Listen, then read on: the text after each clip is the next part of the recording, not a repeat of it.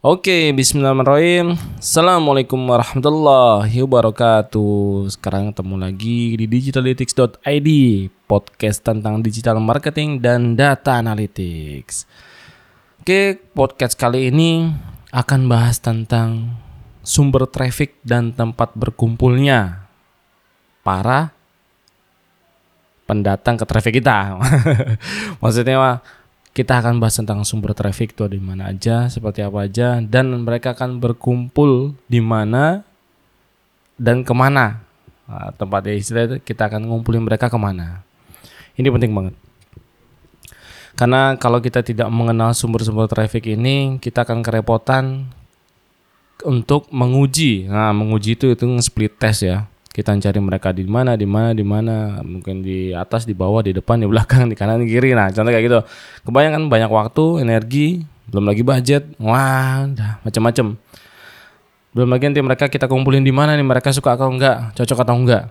Wah ini maksudnya bahasa apa sih mas? Traffic di mana kumpul dan lain sana sana. Enggak enggak. Jadi gini kita akan kategorikan pertama adalah traffic itu ada traffic yang berbayar. Nah traffic berbayar ini ya udah lumrah lah ya. Biasa yang pokoknya yang ngeluarin duit itu bayar ya. Untuk datengin traffic ke tempat yang kita harapkan. Contoh misalkan kita mau datengin ke website landing page atau ke kontak WA langsung atau ngisi form atau something like that lah something seperti itu ya. Jadi traffic berbayar itu ada kita sebut aja ya runut. Nah, kita runut mungkin nanti ada yang belajar uh, dari awal pelan-pelan. Itu ada Facebook Ads. Jadi kan kita berbayar di Facebook itu gimana cara berbayarnya banyak sekali. Googling sudah banyak. Kemudian ada Google Ads. Itu kita bayar di Google di halaman satu Google biar muncul. Google itu Google itu punya slot kurang lebih tujuh ya. Itu di empat di atas kalau salah. Di bawahnya tiga. Kalau nggak salah kalau nggak kebalik ya di atas empat di bawah tiga. Nah kita bisa nangkring di halaman satu itu berbayar. Nah Google uh, gue mau bayar nih. Tolong dong taruh di halaman satu. Dah Pas bayar langsung di halaman satu, nggak juga. kan main beat dan juga. Uh, nanti beatnya biar di halaman satu gimana optimasinya. Udah bayar, rebutan pula gitu kan slotnya. Ya begitulah namanya berbayar. Beda tempat kalau kita pasang di billboard ya. Ya mungkin kita nggak tahu siapa yang ngebit intinya ya udah pasang di situ ya selesai slot kita ada di situ. Kemudian kita di EG, IG, IG juga kita bayar bisa langsung dari aplikasinya atau berbarengan dengan dashboard di Facebook Ads kita taruh placementnya di IG Ads itu juga bisa. Kemudian kalau yang biasa dengan main B2B atau company ada LinkedIn ya itu bisa berbayar. Sejujurnya saya belum pernah main di sana karena dengar-dengar kabarnya akan cukup mahal price-nya di sana. Kemudian ada Snapchat Ads juga ada. Hmm, awal-awal sempat booming juga Snapchat di Indonesia cuman sudah tidak lagi kali ini hanya lewat lah. Kemudian yang biasa berbayar dilakukan para brand-brand di IG itu menggunakan selebgram ya atau sejenis paid promote. Nah, makanya nanti ada istilah micro influence dan macro influence yaitu kita bayar ke akun itu bayar itu dalam tanda kutip bisa jadi dalam tidak dalam bentuk uang, bisa jadi kita kasih barang atau kita ya kenal sama dia gitu kan. Nah, itu bisa digunakan. Kalau selebgram jelas ya uh, mereka emang buka slot untuk mempromosikan produk kita. Kalau paid promote bisa jadi kita pakai akun-akun lain yang bukan selebgram sebenarnya gitu. Jadi akun-akun yang sudah banyak followernya kita bisa promote di sana. Atau lagi kita kalau berbayar menggunakan marketplace. Nah, marketplace juga ada promote ya. Nah, biar kita nangkring di halaman satunya kalau ada berdasarkan keyword yang kita harapkan muncul di atas. Nah, setelah ini kita akan bahas tentang traffic non-paid atau yang tidak berbayar. Oke, selanjutnya kita akan bahas traffic non-paid atau tidak berbayar. Ini dalam tanda kutip ya, tapi non-paid tidak berbayar ini karena sesungguhnya tidak akan gratis seutuhnya gitu. Jadi contoh, contoh yang non-paid itu yang kita tidak bayar seperti di Google ya. Google kan ada Google Ads. Maka kalau di Google yang untuk tipe gratis adalah SEO. Search Engine Optimization Nah, jadi kita mengoptimasi konten kita atau blog kita, tulisan kita, landing page kita atau website kita agar nangkring di halaman satu. Karena search itu di Google masih tinggi ya, jumlah search uh, orang yang mencari sesuatu ya, mencari mbah Google lah, nah, gitu tuh yang disebut mbah Google karena orang masih tinggi di situ. Kemudian jadi kita pengennya nangkring di satu, di situ uh, akhirnya orang ngeklik datang ke website kita. Nah ini flownya seperti itu ya, jadi orang ngeklik datang ke website kita dan terjadilah konversi yang kita harapkan ya, misalkan dia ngeklik CTA kayak atau button kita atau mensubmit form. Kemudian yang non paid yang sejenis itu adalah IG optimasi, nggak ada IG ads, sekarang ada IG optimasi. Jadi kita tanpa berbayar, cuma kita mengoptimasi akun IG kita agar nangkring dan banyak viewer atau muncul di explorer ya, paling banyak itu like-nya banyak dan gitu itu ya. Itu optimasi bisa macam-macam banyaknya dengan konten yang kita publish atau kita menggunakan hashtag kita seperti itu atau kita saling promote dan lain-lain. Kemudian ada juga fanpage optimasi. Gimana cara optimasi fanpage kita biar biar banyak yang share ya. Uh, contoh yang organik-organik sampai follower jutaan ya ada juga. Nas di nah, siapa ya? Nas ya. Ya, contoh kayak gitu ya fanpage ya. Kemudian ada Facebook personal branding. Nah, ini akun-akun personal tapi sekaligus branding tentang produknya atau branding tentang dirinya sendiri.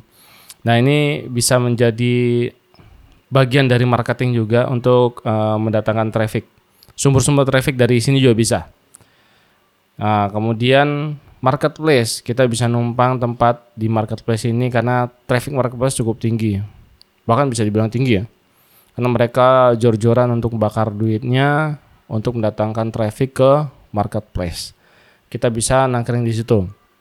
Awal-awal bisa jadi kita nggak iklan ya kita nangkring di situ baik keyword, baik nama-nama yang mudah, Kemudian kita bisa muncul berdasarkan keyword yang dicari user.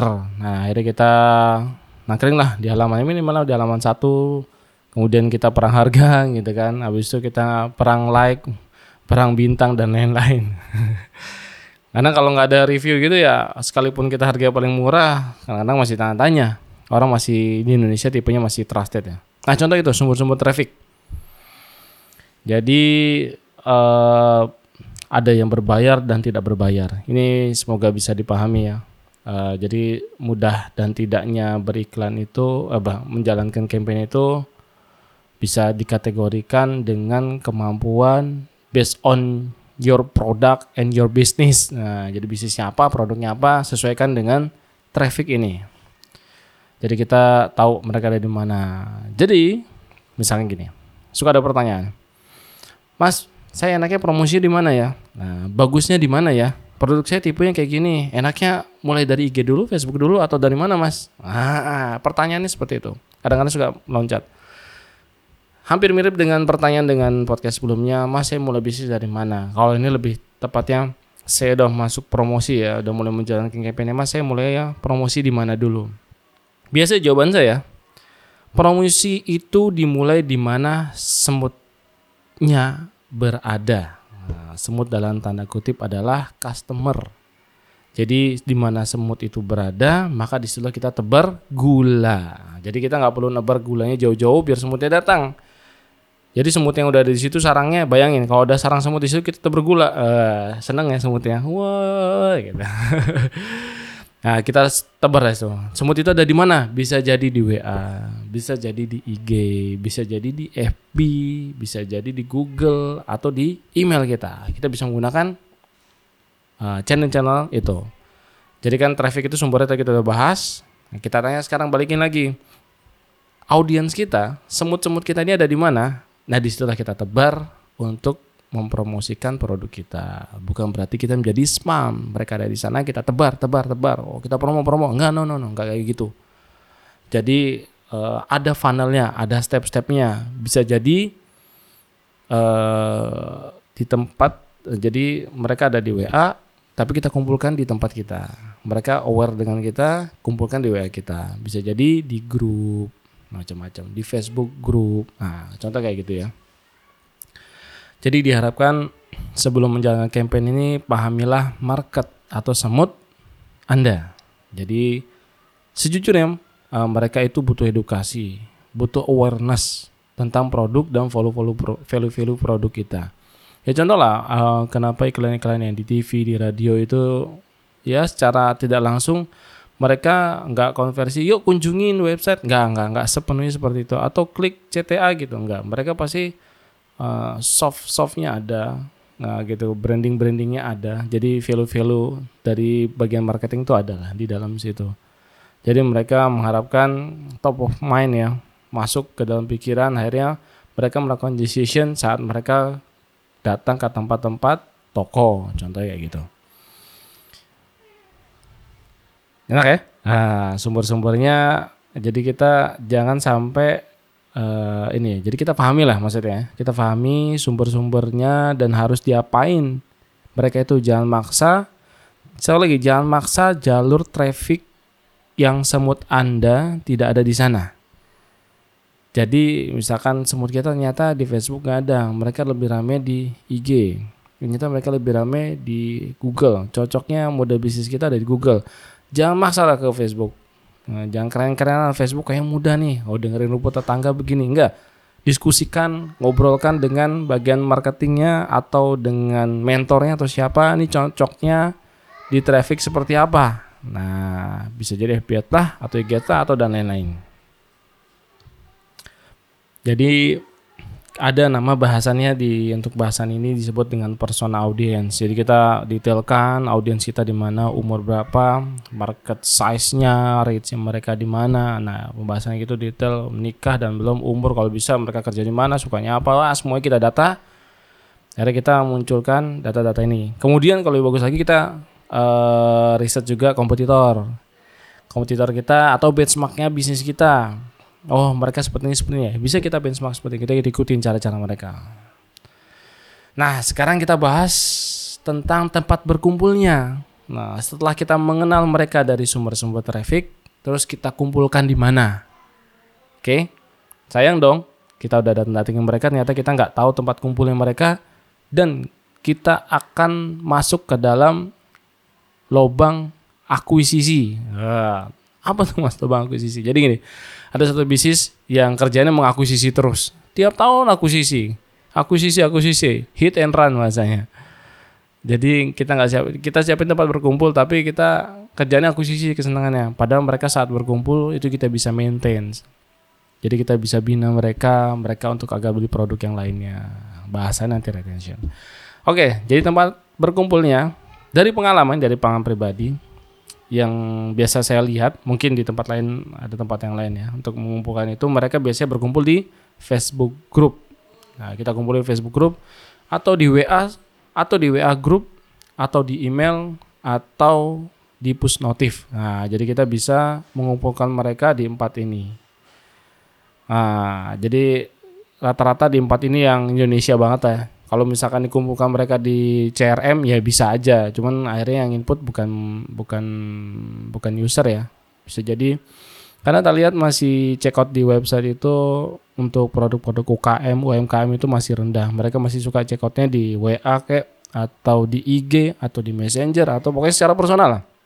Nah stage set ini jadi kita ada ranah atau state ya. Jadi kita pahami juga state-state mereka ranah-ranahnya dari mereka bukan siapa-siapa atau stranger ya, maka menjadi sudah kenal dengan kita dan mereka masuk list atau daftar kita. Nah, flow-flow funnel singkatnya seperti itu. Jadi mereka yang dari nggak kenal menjadi kenal, nah, jadi kan habis itu mereka akan closing. Nah, itu ada bahas-bahasan funnel. Nanti kita bahas-bahas funnel deh kalau mau lebih detail state-state mereka seperti apa, langkah-langkahnya harus apa yang dilakuin. Simpelnya seperti itu. Akhirnya mereka datang ke tempat kita yang sudah kumpulkan tadi, misalkan di Facebook group atau WA group. Nah, jadi jadilah mereka itu database kita. Mau diapain nih mereka? Nah, gitu. Mau kayak apa pun keadaan dunia ini, gitu bahasanya kita sudah punya list database. Nah, jadi kalau lagi cost marketing kita tinggi, tapi kita sudah punya database. Misalkan kita sudah punya bulan lalu kita akuisisi misalkan akuisisi user baru yaitu 1000, 5000 atau 10000. Bulan depan target kita akuisisi berapa? Misalkan akuisisi sama 10.000 atau 5.000. Nah, tapi yang 10.000 yang bulan sebelumnya itu melakukan transaksi atau ada purchase kah, bisa di follow up kah atau apa. Nah, contoh kayak gitu. Nanti tahun depan database ini masa kita harus akuisisi baru lagi. Nah, kita harus maintain kan. Tahun depan mana kita akuisisi lagi. Nah, contoh kayak gitu. Jadi yang udah tak jalan ini dari perjalanan sebagai dropshipper sampai ada kerjasama dengan perusahaan kunci memang ada di, data, di database kita harus maintain agar tetap sustainable nah, kita kalau nggak ada punya database wah harder pak kita akan akuisisi terus bahkan kalau kita bahas dengan inbound marketing kita akan mengeluarkan budget yang sama untuk mendapatkan eh sorry kita akan mengeluarkan budget yang lebih besar untuk mendapatkan omset yang sama. Wah. Contoh, tahun ini kita ngeluarin budget 500 juta untuk mendapatkan omset revenue misalkan 5M. Tahun depan, kita akan mengeluarkan budget, insya Allah nggak akan mungkin 500 juta. Insya Allah pasti lebih, bisa jadi 1M untuk mendapatkan revenue yang sama 5M. Bahkan revenue yang di bawah, karena akan naik terus cost itu. Nah kita harus memaintain itu, kita harus mempersiapkan itu. Baik itu jadi retention konten-kontennya atau maintenance mereka di tempat berkumpulnya mereka sukanya di mana dan seperti apa tempat berkumpulnya itu yang kita harus siapin. Contoh pertanyaan-pertanyaan yang suka saya tanyakan kalau ketemu founder-founder atau business owner. Ah ini contohnya saya suka lemparin pertanyaan gini. Di manakah semua database berkumpul oke bisa saya suka sebut lah dengan aplikasi ini nih tersegmentasikah setiap user database yang masuk nah mulai deh dari segi umur dan lain-lain. Lagi, tak tanya, terpersonalisasikah data-data mereka? Kita udah bisa mention mereka berdasarkan waktu mereka sukanya jam berapa, transaksinya dan lain-lain. Terus bisakah kita otomatisasikan? Wah, semua tax-tax itu kita bisa otomatis. Nah, kita bisa pakai automation. Misalkan user ini sudah beli ini kita kirim tiba-tiba terima kasih. Setelah itu tujuh hari kita kirim bagaimana feedbacknya. Nah itu. Nah kalau bisa kita repeat dengan menggunakan task automation itu lebih enak. Kalau belum insya Allah KPI-nya harus ketat di tim tim ini. Nah kalau kadang-kadang saya suka gimana caranya memberikan info nah, bahasanya kalau sekarang membroadcast info ke mereka Contoh kita punya list database 10 ribu. Gimana caranya kita menginfokan mereka? Misalkan kita akan ada diskon di tanggal 12-12 contoh seperti itu. Kita ada promo di akhir tahun. Wah kalau di WA di list 10 ribu lumayan tuh ngeblasnya. Kalau ngeblas biasanya ke band. Biasanya kalau pakai tools ya enggak lah gitu kan. Gimana caranya harus personalize banget tapi company banget gitu kan. Ngerasanya ini oh ya ini benar nih enak nih infonya diterima. Hmm, based on user itu kan nggak suka diganggu ya. Nah, contohnya kayak kita di YouTube lah. Jarang, saya sejujurnya jarang banget uh, nonton iklan di YouTube sampai full kalau emang itu menarik ya atau ada menggelitik. Pasti kebanyakan saya skip. Tapi kemarin ada trial, ini kita intermezzo dikit. Akhirnya ada trial, uh, trial untuk YouTube Premium. Tak cobalah ya sejauh ini hampir sebulanan pakai. Alhamdulillah menyenangkan sih ya. Dengerin nggak nggak nggak ada iklan. Dengerin video nggak ada iklan. Habis itu kalau lagi di jalan tak close gitu kan. Screennya bisa bisa didengerin. Nah contoh kayak gitu. Di kendaraan enak lah. Jadi udah kayak YouTube tuh udah kayak jadi podcast sendiri sebenarnya. Asik itu YouTube Premium enak ya istilahnya kita di di stop gitu ya di di, di stop itu diganggu itu nggak enak Nah, cuman gimana cara mengganggu yang enak itu yang ciamik gitu ya, yang cantik itu ya kita harus siapin. Nah, lanjut lagi suka pertanyaan saya tanya ke business owner atau founder. Bisakah kita mengukur retention atau cohortnya mereka? Wah, dan lain-lainnya. Wah, gimana tuh Mas Tangguh? Dan ini kita bahas nanti bahasan retention, cohort mereka, data analitis yang masuk udah mulai-mulai masuk ke sana kita mungkin bahas-bahasnya agak panjang nih sampai nanti karena masih rooming bahasan itu kalau di awal-awal. Kita harus pelan-pelan insya Allah. Nah, jika masih kebingungan dan pertanyaan di atas, saatnya teman-teman atau Anda butuh wadah untuk semua ini. Nah, kalau kita belum bisa mengumpulkan database rapi, belum bisa mengsegmentasi, belum bisa automation, task-task dari tim dan untuk uh, melakukan to do uh, kepada user ya. Contoh mengirim resi itu belum bisa diotomasikan, nah itu kan agak repot tuh. CS masih memberikan resi manual atau kalau ditanya masih manual. Nah, ini yang perlu kita persiapkan.